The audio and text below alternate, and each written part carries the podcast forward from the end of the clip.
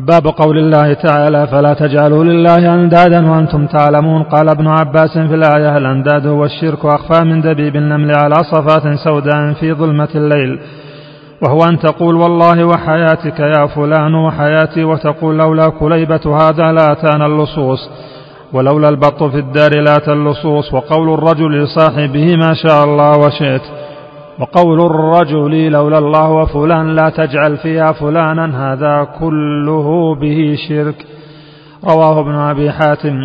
وعن عمر بن الخطاب رضي الله عنه أن رسول الله صلى الله عليه وسلم قال من حلف بغير الله فقد فقد كفر وأشرك رواه الترمذي وحسنه وصححه الحاكم. وقال ابن مسعود رضي الله عنه لأن أحلف بالله كاذبا أحب إلي من أن أحلف بغيره صادقا وعن حذيفة رضي الله عنه عن النبي صلى الله عليه وسلم قال لا تقولوا ما شاء الله وفلان ولكن قولوا ما شاء الله ثم شاء فلان.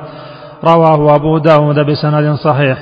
وجاء عن إبراهيم النخعي أنه يكره أن يقول الرجل أعوذ بالله وبك ويجوز أن يقول بالله ثم بك.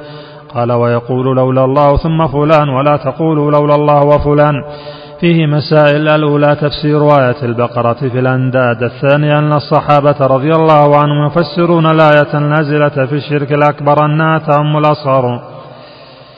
الثالثة أن الحلف بغير الله شرك الرابعة أنه إذا حلف بغير الله صادقا فهو أكبر من اليمين الغموس الخامسة الفرق بين الواو وثم في اللفظ.